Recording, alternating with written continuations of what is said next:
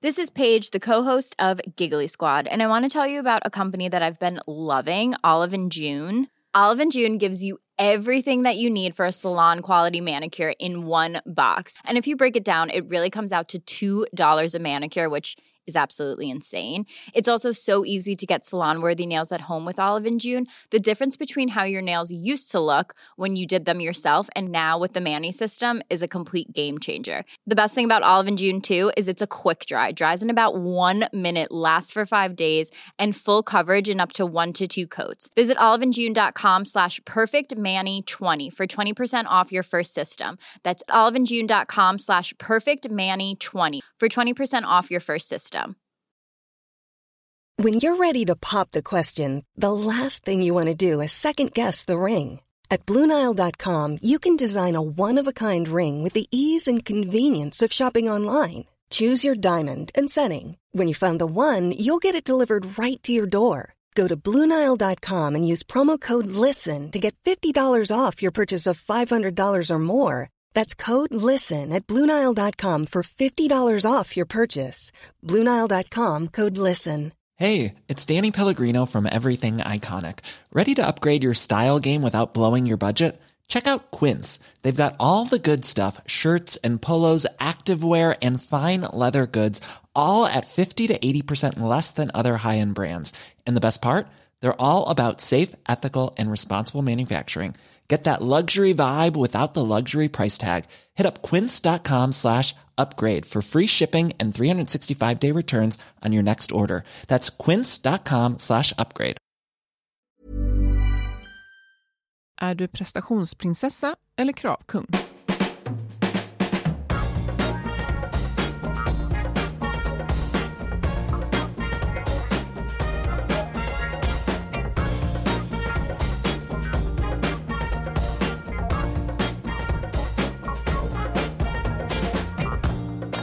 Det här är Health for Wealth, en podd om hälsa på jobbet. Trots att vi får det bättre och bättre mår många av oss bara sämre. Hur har det blivit så tokigt? Och hur kan vi använda vår arbetsvardag för att bygga både långsiktig hälsa och lönsamhet? Det tar vi reda på i den här podden. Vi är Ann-Sofie Forsmark. Jag driver företaget Formstark Resiliens. Och Boel Stier, copywriter. Lyssna på oss för nya insikter varje vecka för dig som är chef, HR, ledare eller medarbetare. Mm. Vi är många som vill prestera bra, såklart. Men hur vi förhåller oss till vår prestation, det påverkar oss. Och det pratas om prestationsbaserad självkänsla, prestationsångest och på många arbetsplatser så är det ganska lätt idag att just försöka prestera jättemycket, mm. hela tiden. Och att uppleva gränslöshet som man själv kanske inte riktigt känner att man öser, rår på. Mm. Och de som just öser på, ja precis, de kanske på kort sikt känns som drömarbetstagare, men på lång sikt är de kanske inte så hållbara. Det ska vi prata om idag. Mm. Superintressant. Mm. Och jag tror att vi... Ja, det är som att det är en fälla som vi alla på något sätt sitter i. Med något litet lillfinger i alla fall.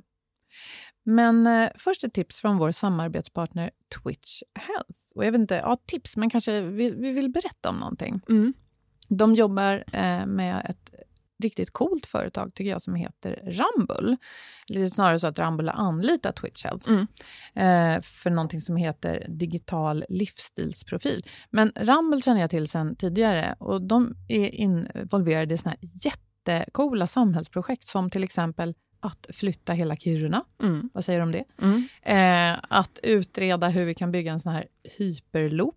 Det där är alltså Elon Musks ett av hans väldigt innovativa projekt som handlar om att förflytta människor i eh, rör med lågt luftmotstånd. Alltså ett miljövänligt och effektivt så här, framtidstransportsystem. Sånt gör Rumble. Häftigt. Mm. Jag fick väldigt speciella bilder i huvudet. Jag tänker att man hoppar... Ja. Jag ska inte fördjupa oss i det. Nej, det lät väldigt häftigt, men läskigt.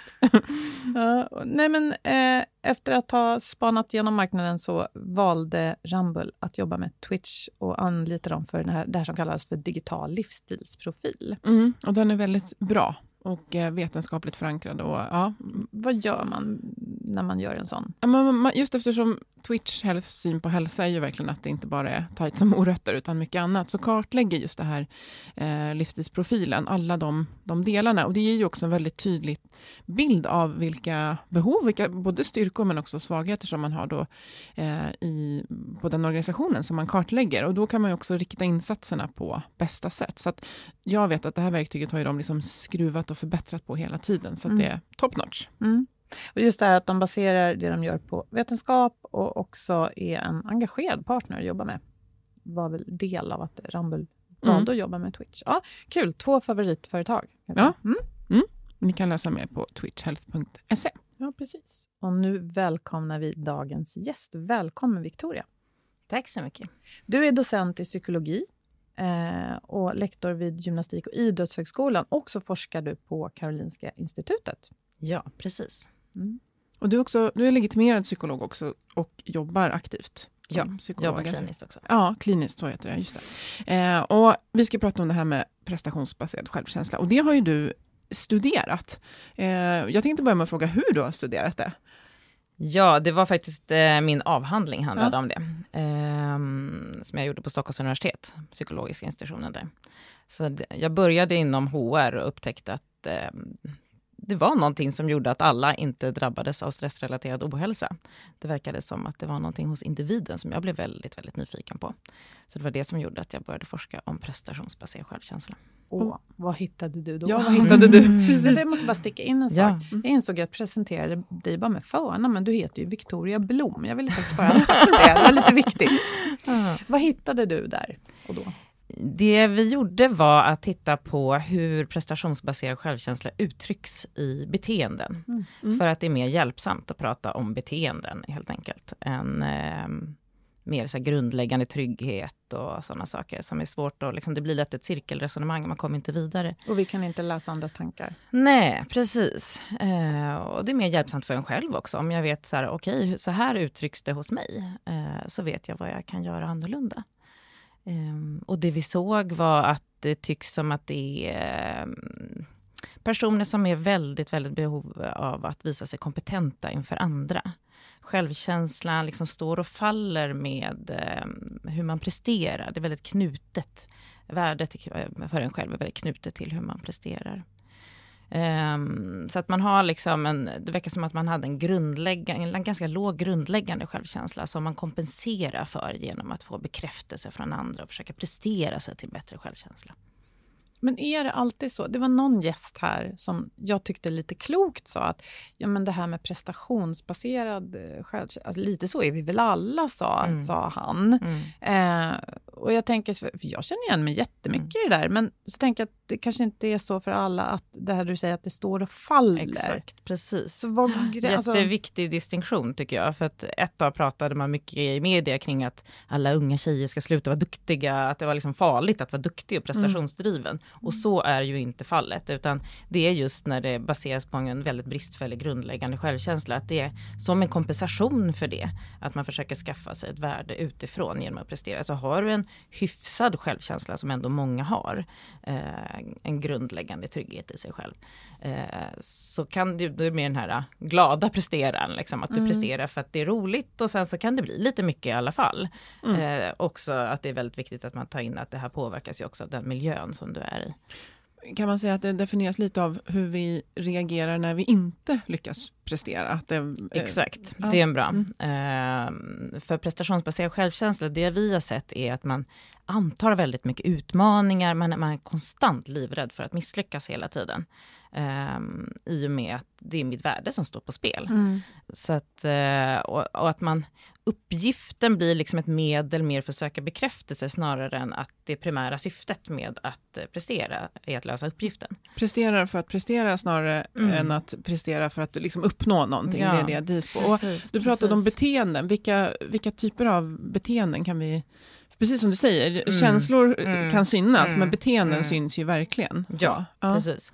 Ja, men det kan ju bli att jag till exempel eh, dubbelkollar allting väldigt många gånger. Ehm, jag sitter kvar väldigt sent på kvällarna för att se till att liksom rapporten är helt felfri. Eh, man har sett kopplingar till att jobba övertid, eh, att ha en stor arbetsmängd, dra in lunchen för att jobba, eh, ta igen arbete efter sjukskrivning, massa sådana beteenden som man har sett kopplingar till. Ofta också väldigt läskigt med de här självhävdande beteendena som att säga nej eller dra gränser till andra eller ehm, stå upp för sin egen åsikt eller hävda sin åsikt. Vilket gör att när, när chefen kanske lägger på mig en extra arbetsuppgift så tackar jag ja, fast ja, jag egentligen jag, kanske... Alltså, om, om jag stämmer in med den här beskrivningen så är jag perfektionist. Yep. Jag släpper ingenting om jag inte är övertygad om att det är perfekt. Så jag är ganska då rädslostyrd egentligen. Ja, precis. Eh, och då mm. tänker jag att vi som har pratat mycket om samarbete och kreativitet och sånt där, att där måste vi ju både kunna ge och få hjälp, men mm. det är man kanske inte så bra på då. Exakt. Det är läskigt att be om hjälp. Mm. Eh, för det innebär ju att jag behöver kanske blotta en bild av mig själv, att inte duga. Mm. Eh, ofta är det det som ligger bakom, att jag tycker att jag är inte tillräckligt bra, jag är inte tillräckligt kompetent, jag duger inte. Så skaffar man sig lite regler för sig själv. Så här, men om jag alltid levererar felfritt, då duger jag. Mm. Eller om jag alltid ställer upp för alla andra, då är jag okej. Okay. Mm. Eh, och det här kan bli ganska rigida regler som gör att jag, som jag inte ruckar på, även om arbetssituationen mm. eller liksom förutsättningarna förändras. Att det kanske blir eh, nedskärningar, man får väldigt mycket på sitt bord. Så ändrar jag ändå inte mitt arbetssätt utan jag liksom presterar lika felfritt och med samma tempo. Mm. Så det blir ju väldigt stor arbetsmängd och en väldigt stor ansträngning. Det är ju sjukdom helt klart där i ja. botten, eller i förlängningen. Mm. Men jag tänker också det här att eh, då blir det farligt, som du säger, att blotta sig. Ja. Och det här är ju inte gynnsamt för någon egentligen, för att vi måste ju göra fel om vi ska lyckas ibland. Ja, precis, precis. Men visst, förlåt, visst är det också så att eh, man, man dömer inte alls andra lika hårt? generellt. Nej, nej. nej. Däremot så såg vi också i vår forskning att man jämför sig ofta väldigt mycket med andra. Mm eh, och blir lite hotad av andras framgång. Eh, mm, mm. Men lägger inte, man lägger det på sig själv då, att jag ja. ska bli lika bra. Ja. Och hur, mm. hur, eh, hur vanligt är det här? För jag tänker att det, det är klart att det, det, måste vara en skala, att man kan vara åt det hållet. Mm, mm. Men hur, ja, kan bara, man säga något om det? Eh, det finns lite olika siffror, men Lennart Hallsten som från början myntade det här begreppet prestationsbaserad självkänsla, han har tittat på det, men han, han tittar på prestationsbaserad självkänsla i kombination med utbränning, som han nämner det, eh, och menar på att man inte är utbränd om man inte också har det här liksom, tvångsmässiga engagemanget som prestationsbaserad självkänsla utgör. Eh, och då i de studierna, när han tittar på den kombinationen, då är det ungefär 15-16 procent av, av befolkningen som uppfyller kriterierna för att vara, liksom, ha höga poäng på både utbrändhet och mm. prestationsbaserad självkänsla.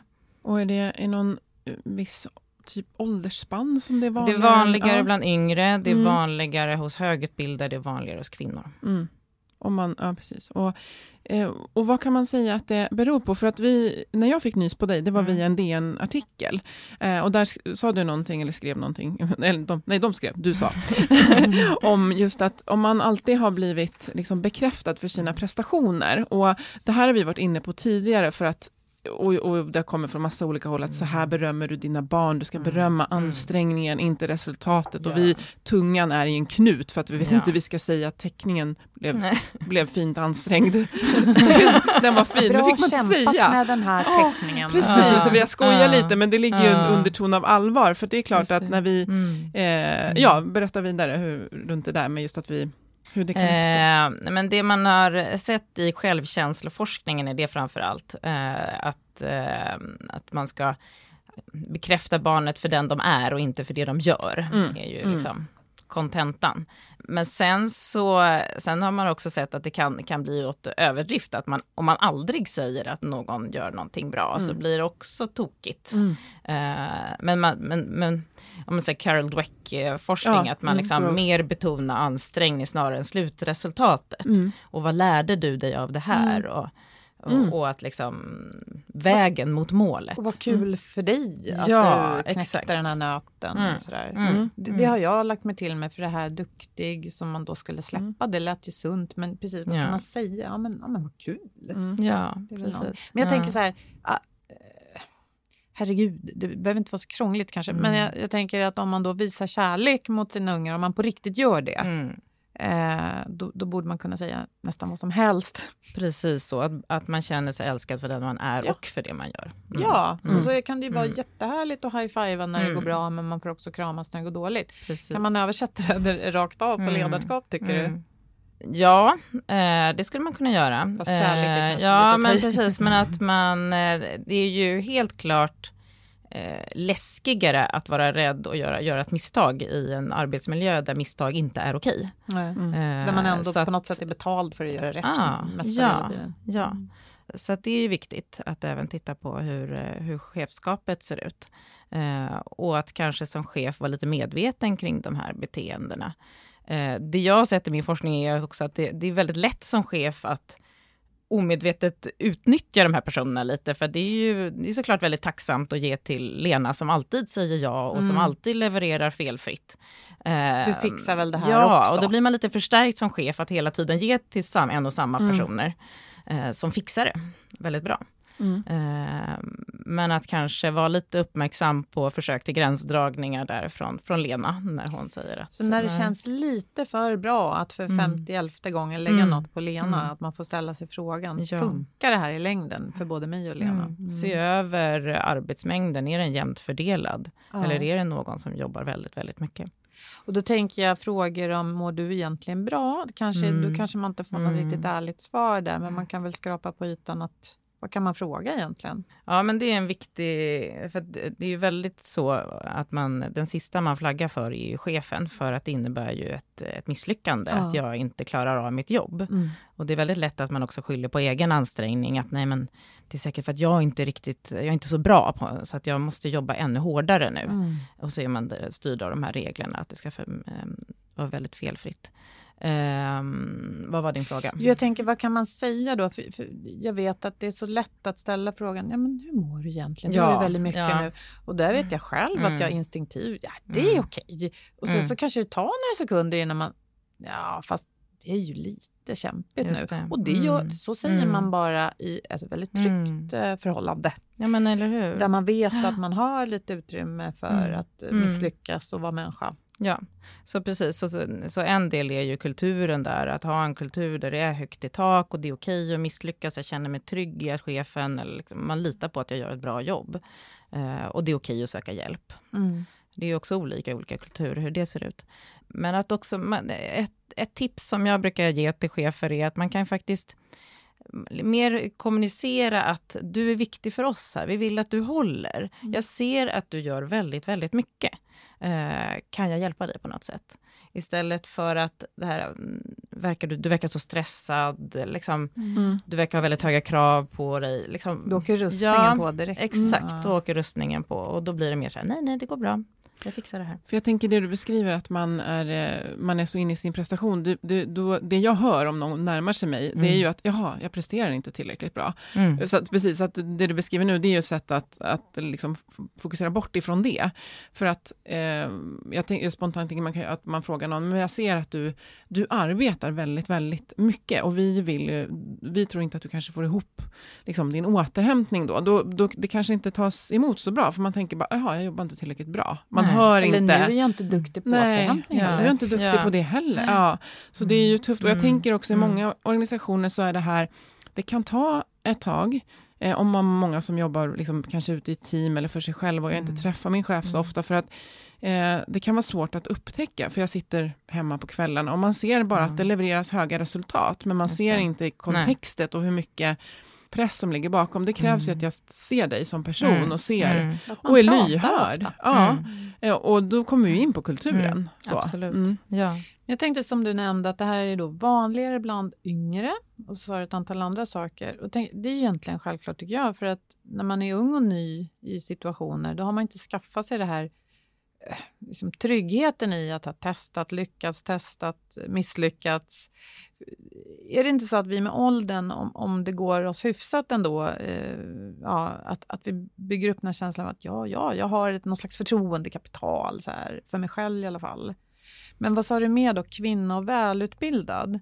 Att vi kvinnor ställer extra höga krav på oss, ja, men det är ju det är ett helt avsnitt bara det. Mm. Men jag tänker välutbildad, vad, vad, betyder det? Att jag tycker att jag ska leva upp till väldigt höga krav? Eller? Jag tänker att det är för att de yrkena där välutbildade jobbar, eh, där det är väldigt stort fokus ofta på prestationer, eh, att det har med saken att göra. Mm. Att, att det är en sån miljö där man förstärks i att prestera mycket. Och att, för, för det har jag också sett i min forskning och även i andras forskning, att det påverkas av den miljö vi är i.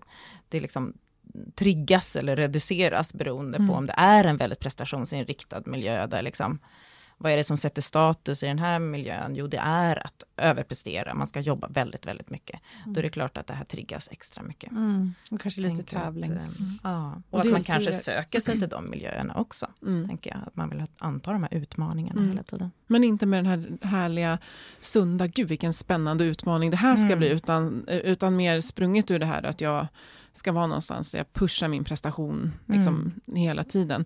Eh, och jag tänker, vi, vi hade en tanke om att fråga vad riskerna är med det här, men det hör man när du beskriver, mm. att, att när drivkraften kommer från att jag ska prestera hela tiden och mitt värde är beroende av hur jag presterar, så är det klart att eh, det kommer uppstå en typ av mm. liksom, ohälsa. Jag tänker att man både fysiskt tröttar ju ut mm. sig om man jobbar för mycket, men mentalt så känns det väldigt mm. jobbigt för hjärnan. Och vad är det här mindsetet? Ja. Så. Ja det blir ju en väldigt stor arbetsmängd och en stor ansträngning om, om liksom mycket ska dubbelkollas mm. och eh, prestera felfritt hela tiden. Mm. Eh, så blir det liksom återhämtningen får stryka på foten, man bortprioriterar sig själv och sina behov. Mm. Eh, och att, eh, att leverera blir liksom det primära. Och när man ska hjälpa någon eh, att komma ur det här, eh, hur, hur börjar man då? Dels så börjar man med att kartlägga hur det här uttrycks hos just den här individen. Även om det här är beteendemönster som vi har sett hos prestationsbaserad självkänsla individer så är det olika i vilken grad mm. eh, de ser ut hos respektive individ. Så först titta på hur ser det ut hos just dig. Mm. Och eh, sätta ett sammanhang. I vilka situationer är det jag triggas till att göra så här? Och eh, är det liksom i arbetssammanhang eller är det kanske både i privatlivet eller i arbetslivet? Eh, är det med vissa kollegor eller är det bara med chefen? Eller när är det jag liksom hamnar i det här att hela tiden bortprioritera mig själv och säga japp, det fixar jag. Mm. Eh, när man får den där extra uppgiften klockan sex en fredagkväll. Mm. När jag mm. egentligen tänkte att jag ska gå hem till mina barn eller så. Mm. Eh, så dels titta på vad är det som triggar, men också vad är det för tankar, vad är det liksom min hjärna poppar upp med för tankar i de här situationerna. Så här, det här kommer aldrig gå, nu kommer de märka att jag inte duger och nu kommer de se att jag inte är så där kompetent och så. För det kan man också få fatt i de här liksom, självbilden och de här reglerna som man sätter upp för sig själv. Mm. Eh, men också titta på eh, vad som, varför man gör som man gör. Liksom. Man tittar på den här kortsiktiga konsekvensen av ens agerande. Vad är det som kommer direkt efter att jag har sagt mm. ja till chefen? Jo, jag kanske känner mig lite duktig. Mm, en snabb belöning. En snabb belöning. Det känns lite bra i stunden. Jag slipper eh, eventuell kritik och den skam som det skulle ge. Jag behövde. För då skulle jag behöva liksom bryta mot de här reglerna och mm. blotta den här självbilden av mig själv som att inte duga. Eh, chefen kanske ler, mm. väldigt mm. förstärkande. Eh, jag ser att chefen blir nöjd för att jag säger ja. Eh, så liksom, kortsiktiga konsekvenser är ju ofta det som styr oss i vårt mm. beteende, och titta på det. Men sen också, hur blir det på sikt? Hur blir det på lång sikt? Om jag alltid bortprioriterar mig själv eh, och ställer upp för alla andra. Mm. Hur blir det på sikt för mig? Jag tänker det här också att sätta rimliga krav på både sig själv och andra. En före detta kollega skrev i något inlägg någonstans här att tidigare i sin karriär så hade hon, eh, jag vet inte om hon var chef då, men hon skulle, hon skulle mm, pre presentera något på ett möte där även andra som liknade henne men jobbade med andra områden inom samma företag skulle delta. Och då la hon väldigt mycket tid på det här, hon gjorde en presentation, hon satt länge, många timmar. Kommer till mötet och hon har då liksom förberett massor och redan trött. Liksom. Mm. Eh, medan kollegan liksom inte ens har förberett någon presentation utan säger några meningar. Så här, ja, det var mm. hans rapport, han, det var en han då. Eh, och så sa hon att av den här situationen lärde hon sig ja, dels kanske en del om hur, hur kvinnor överarbetar i onödan, men också att alltid fråga sig, eh, fråga den som gav en ja. uppdraget, vad är förväntningarna på mig här? Just det. Ja. Mm. Och det är också så smart, mm. att om man då har mm. gått i den här fällan någon gång, ja, men, mm. och, och, och, man kanske vill ha det där leendet av chefen, man mm. kanske vill hjälpa till, för det är kul att kunna göra det och vara behövd, men mm. all right, om jag nu gör det här, vad förväntar jag mig då? Tror du att det räcker om jag lägger två timmar på det här, eller är det en arbetsdag?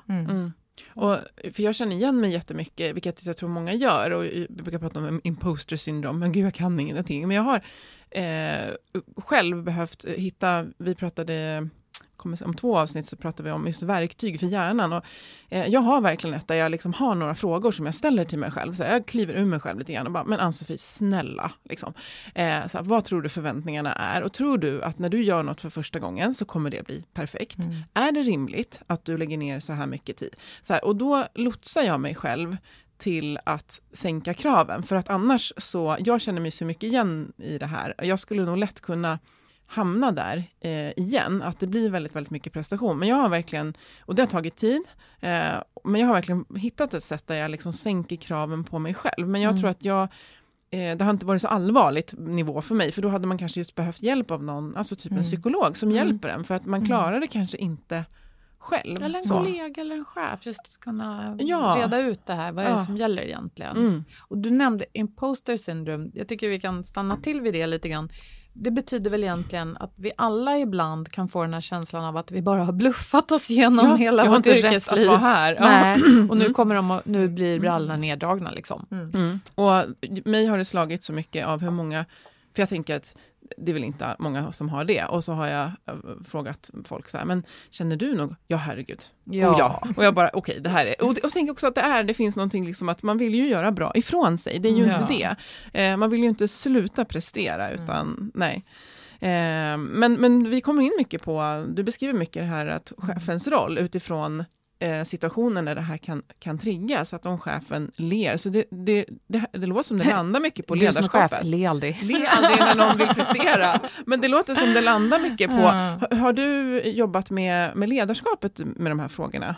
Ja, lite grann. Mm. Uh, vad, vad har du för tankar där? Men det, det, mm. som, det är ni inne på också, det här att det, många uppger ju att det är så svårt att stoppa. Det är som att stoppa en galopperande häst, liksom. Att mm. nej, nej, det går bra, jag klarar det här, tills det säger pang. Mm. Uh, så att, att, det är ju en utmaning, mm. Att, att stoppa på ett, ett bra sätt. Att vara lite uppmärksam på de här försöken till gränsdragningar som kanske är, för det är ju nästa steg sen när vi har kartlagt det här beteendet och i vilket sammanhang det sker, att sen försöka lite så som du säger, att här, se sig själv lite så här, okej, okay, nu, nu, nu exponerar jag mig själv för att eh, kanske prestera 80% på den här arbetsuppgiften. Vissa kanske jag behöver leverera 100% så är det ju bara. Mm. Eh, men ibland kanske jag kan sänka ribban lite grann. Uh. Det här kanske räcker med 80% good enough-nivå på den mm. här arbetsuppgiften. Mm. Eller jag struntar i att dubbelkolla mejlet eh, den här tredje gången. Uh, till exempel. Mm. Och, eh, så, men det väcker ju obehag kortsiktigt. Mm. För de här, om man är lite prestationsdriven så blir det lite, lite obehagligt att här, trycka på sändknappen och säga nej till chefen någon gång. Men då kan man ju vara lite uppmärksam som chef på att de här små, lite subtila försöken till eh, gränsdragning. Jag tänker att man kan väl hjälpa varandra där också för att eh, väldigt ofta kan jag tänka mig om man ska leverera något till en kund, då, någon extern person, mm. så, så kanske man ändå ska låta någon annan eh, kollega läsa igenom det, mm. om det är något som mm. man kan läsa eller titta eller mm. man, att man har någon dragning eller att man där som chef eller kollega kan säga, men du, det där är ju bra nog. Det ja. räcker ju. Ja. Mm. Ja, man kan stämma ja, av och ta varandra Det är bra. Mm. Ja, kalibrera det lite, för att det har ofta blivit lite skevt. Att man eh, kan nästan inte avgöra vad som är bra nog. Nej. Att eh, man fortsätter några steg till ja. hela tiden. Så mm. är det mycket, det där kan jag reflektera över när man sitter själv. Att man, jag kan önska det ibland att gud vad jag vill att någon bara kunde flyga in och titta på det här och säga så här, det är bra nog. För mm. det blir, blir, man är så i sin egen grej. Men mm. jag tänker åter till det här med ledarskapet, att vi, jag tänker många belöningsmodeller och strukturer, de är ju, bygger ju på prestation. De bygger ju inte på att eh, du är bra på gränsdragning, Nej, du är omtänksam, även om det, det försöks komma in. Så att, ja. eh, jag tänker att vi kan ju också styra i det här. Jag tänker mm. den galopperande hästen, man, mm. man, eh, det, det, finns tyglar att, mm. att uh, ta tag i genom mm. både ledarskap men också hur vi mm. eh, rent strukturellt mm. jobbar och vad vi, vi premierar. Har du några tankar Boel tittar på mig. Ja. men jag tänker mm. att jag har lärt mig mycket av det här poddandet. Mm. Och något som många kloka chefer, fler i alla fall, har sagt i den här podden, och andra kloka personer, det är ju det här när chefen bjuder på egna Exakt. misstag så Mm. sätter man ju kulturen så himla bra. Mm. För det blir så tydligt då att, att, det, att det är okej Mm. att göra misstag. Mm. Och då vågar jag kanske dela med mig av mitt. Så det var den ena grejen jag tänkte på. Och sen något som Ola Jameson sa när han var här. Du jobbar ju bland annat eh, Mm. på Psykologpartners Mm. där han finns. För vi snackar mycket om behovet av reflektion och att inte bara ut med information utan in. Men han snackar om att vi behöver före och efter mer. Som ett fotbollslag. Vi kan inte bara leverera. Vi behöver planera, utvärdera. Och då tänker jag om man går till en person som bara säger ja hela tiden Mm. och som har så här mycket att göra. Eh, skulle man inte kunna säga att jag skulle vilja att du fick tid för reflektion i, i din arbetsvecka? Kan vi inte lägga in några timmar Mm. som du inte behöver rapportera kring? Mm. De är bara dina för att förkovra dig. Tror du att en person i det här läget skulle ta det? Eller skulle man bara leverera mer då? Alltså, Mm, det gäller ju att bygga in det eh, på, ett, på ett bra sätt, eh, tänker jag. Men jag tänker att det är en jättebra tanke. Och precis det där som du sa med chefen, att eh, om man vill förändra kulturen och få lite mer högt i tak, eh, där det är och skapa en kultur där det är okej att eh, göra små misstag ibland och att se det som inlärningstillfällen för alla. ja. Eh, och att det är okej att be om hjälp när jag inte är helt säker på hur jag ska lösa arbetsuppgiften. Att chefen själv gör de beteendena är ju extremt förstärkande för Mm. alla andra. Att, eh, att det leder till, till förändringar Mm. i kulturen, absolut. Mm. Och jag tänker, hur skulle det, om man bara pratar om just här, förväntan på att du ska reflektera, förväntan på att du ska återhämta dig, då Mm. kopplar vi helt plötsligt en prestation som någon som är mer senior än mig uppskattar, Ja. eh, som har att göra med Mm. något där jag inte kan kolla rapporten tio gånger Mm. till, utan det Mm. handlar om, jaha, nu ska Mm. jag nu ska jag liksom Mm. återhämta mig här. Mm. Men, men ja, det du beskriver här med hur chefen Mm. beter sig, det blir ju väldigt Mm. stärkande. Jaha, ska man Mm. prestera här, då handlar det tydligen om att ibland lägga 80% och bara släppa det. Det också Mm. blir. Ja. Eh, Men jag tycker det är intressant det här med hur vi eh, kan jobba med det liksom lite, lite fyrkantigt om man säger så på arbetsplatsen. Att, att eh, genom både hur vi styr men också chefer att, att rusta dem med, med verktyg när de ändå leder. Inte att de ska lägga tre timmar extra i veckan utan när de ändå Mm. är i möten och hur de kan tänka där. Vill du ge några fler exempel på hur man som chef kan eh, få tag i den här galopperande hästen? Mm. Nej, men jag tänker ehm, om man ska lägga in till exempel eh, tid för reflektion, eh, liksom få in lite eh, återhämtning i arbetsdagen som är jätteviktigt eh, för stressrelaterad ohälsa och, och liksom skapa en kultur där det är okej och till och med förstärkt, att det här är någonting som vi ser som bra, då behöver ju det också belönas. Att, det, att det är det som, eh, det är okej så pass att vi verkligen vill det. Det belönas att man gör de här beteendena. Um, Hur kan man, jag tänker, hur kan man i grupp då, man ska ju lyfta positiva saker i grupp och Mm. ta det som är eh, Mm. mer, behöver utvecklas mer mellan fyra ögon. Hur kan man i grupp lyfta att någon lägger tid på återhämtning så inte det blir jätteknepigt? Åh, vad bra att du gick tidigare häromdagen, Ann-Sofie, hämtade Ja. dina barn. Ja, ja, nej, Nej, men, jag, gör men, men jag tänker, Ja, för kanske det, man om man tänker det här med pengar, att det är, ja, det, alltså, är det någonting som är verkligen så här, det är ju att det blir be, bekräftad för ett beteende. Jag tänker Mm. det kanske är just starkast, så jag vill bara ge shout-out till Victoria, som alltså i fredags bara faktiskt bröt och, och liksom var ledig när vi såg att hon hade för mycket att göra. Det vill jag lyfta idag som chef. Liksom. Kan det vara... Mm. och även där agera som chef på ett hållbart sätt. Eh, och att det smittar till medarbetarna. Ehm, Inte mejla på kvällen och helger, Exakt, Mm. exakt. mm. till exempel. Ja. För, för jag tänker, det, det, det som, där vi började också där prata om att jag är min, min prestation. Mm. Eh, det känns ju som lite mer avancerat psykologiskt att börja jobba med, för här pratar vi om beteenden som vi Mm. förändrar som ju självklart då påverkar, men hur kan man komma åt den biten just att, Mm. att för det, det är ju någonting man verkligen aktivt Mm. känner jag personligen själv man får jobba med, att så här, jag är inte min prestation, alltså Mm. jag, mitt värde faller inte med att jag gör inte bäst ifrån mig någon gång, men det, det känner jag, det får man verkligen kämpa med, men klarar man det på egen hand? Ja, eh, det vet jag inte om, man, eh, om det finns någon forskning på eller så. Mm. Eh, men i KBT så jobbar vi med det, mm. att eh, lite ACT-tekniker, att titta mer på liksom, hur kan jag luckra upp eh, kopplingen mellan mig själv och eh, det jag presterar mm. genom att till exempel titta på värderingar.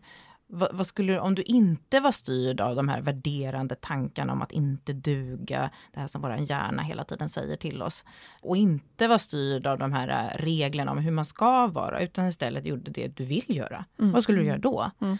Och bara där att liksom att titta, att vidga äh, bilden lite och se vad skulle jag vilja göra och ta steg ditåt gör ofta att prestations, att det blir lite uppluckrat faktiskt, prestation individkopplingen. För att jag helt enkelt går i steg mot det jag vill och då mm. kommer den här inre motivationen mm. och jag blir engagerad på grund av att det här är ju så roligt. Mm. Så tränger ut betydelsen mm. av mm. bekräftelse och eh, mm. slutresultat.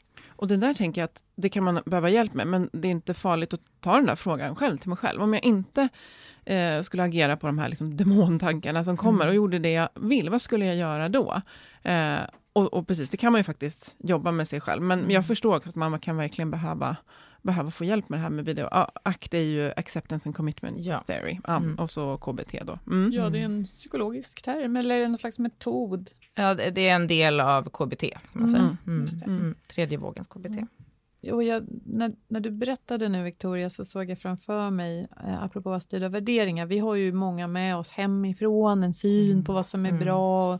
Det kan vara att man kommer från ett hem där akademiska prestationer är liksom väldigt viktiga, så vill man ha ett hantverksyrke och så får man slåss både mot sig själv och familjen för att, ja, att det kan vara svårt ibland att hitta fram till det som man faktiskt ja. tycker är kul. Ja. Att man tror att man tycker mm. andra saker är kul mm. än vad man verkligen... Exakt. Mm. Verkligen, man är, man är styrd utifrån vad andra tyckt. Eh, så värderingar kan ju vara ett svindlande ibland att jobba med. För mm. att, vad tycker jag? Mm. Jag har aldrig liksom riktigt ställt med den frågan, utan det är väldigt mycket vad mamma och pappa tyckte, eller vad mm. mina kompisar tyckte, eller vad, vad man vad, bör tycka. Ja, vad, vad, man mm. får hög lön för. Ja. Mm. mm. Norm, ja. Det är spännande. Det var ja, mång, mångfacetterat ämne, om man säger. Är det något mer du känner att vi borde beröra? Eh, när vi pratar prestationsbaserad självkänsla och, och framförallt då på arbetsplatsen. Men jag tänker, eh, förutom att titta på värderingar som ett sätt att luckra upp eh, koppling mellan mig och mina prestationer, är också ofta hjälpsamt att eh, hitta eh, domäner eller livsområden som inte är så prestationsinriktade. Det är lätt att man Eh, levererar väldigt mycket på jobbet, man levererar i sitt föräldraskap, man eh, kanske levererar till och med sina vänskapsrelationer och så mm. har man någon, någon fritidsaktivitet som är tävla i eh, någon idrott. Mm. Triathlon ja, kan dyka upp i vår podd ja. som exempel. Ja. Ja. Och att där kanske hitta någonting som inte är så prestationsinriktat. Mm. För att också där lite tränga ut betydelsen ja. av prestationer. Mm. Någonting som faktiskt är återhämtande ja. på riktigt. Man kan behöva mm. nästan öva. Jag har ju gett exemplet tidigare, det här med min gitarr. Att jag bara, ja, men jag borde ju lära mig, mm. och så bara, eller inte. Mm. Eller så ska det bara vara helt kravlöst och verkligen jobba med det. Och den mm. befrielsen och den sköna känslan mm. där när man mm. är i det. För grejen att det kan bli jäkligt bra mm. prestation av att man mm. just bara tar bort det. För att eh, det kommer bara inifrån och glädje. Så där kan man ju verkligen skicka med att identifiera, vad har du i ditt liv som, som inte är prestation? Eller kan du identifiera ett område där det inte får bli eh, prestation? Om det nu kan vara hur det ser ut hemma eller sådär. Ja. Mm. Smyga in en promenad ibland. Det är, jag har svårt att se hur man presterar på en promenad. Ja. ja precis, just när det inte får mäta hur långt... Ja, nej. Mm. mm. En annan sak är också ofta hjälpsamt att fokusera på uppgiften i sig, i och med att det är mm. den som stryker på foten, den blir bara ett medel att nå bekräftelsen. Just Men det. att öva på att vara fokuserad på uppgiften i sig. Mm eh, när man håller ett föredrag, vad är det jag vill förmedla för kunskap i det här föredraget? Snarare än så här, vad kommer de tycka om mig? Ja, kommer de tycka att jag är bra visst. nog på att leverera det här? Ja. Ja. Det brukar vi prata om när man ska tala, att det, det, det hjälper ofta att släppa rädslan. Det är mm. ämnet som är viktigt. Mm. Jag är bara en budbärare, herregud Exakt. om det inte blir perfekt. Och då kan man också tänka, ja, om jag nu inte har 72 eh, arbetstimmar att lägga på den här mm. presentationen. Mm. Vad är det då egentligen mm. säga? Ja, men det var väldigt mm. bra. Ja, det var väldigt bra. Liksom. Ja, att nu, nu är jag i det här, precis nu ska jag förmedla det här, nu ska jag skriva den här rapporten, fokusera på att göra den så bra som möjligt, men inte...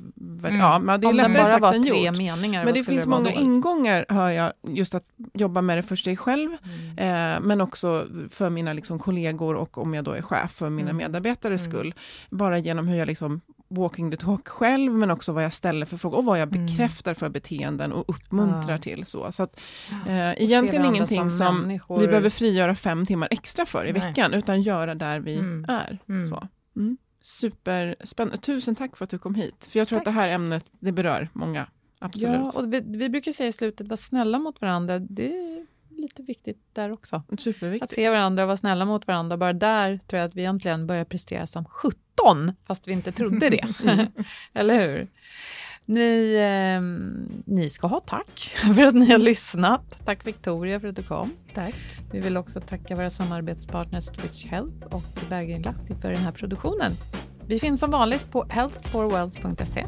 På LinkedIn, på Facebook och eh, sköt om er och som sagt var snälla mot er själva och andra. Må så gott. Hej då.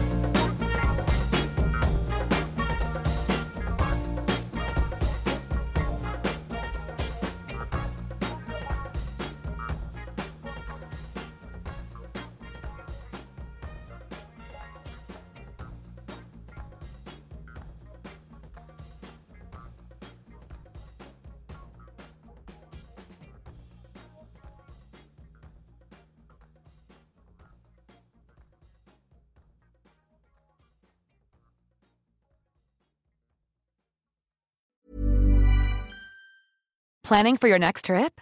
Elevate your travel style with Quince. Quince has all the jet setting essentials you'll want for your next getaway, like European linen, premium luggage options, buttery soft Italian leather bags, and so much more. And is all priced at 50 to 80% less than similar brands.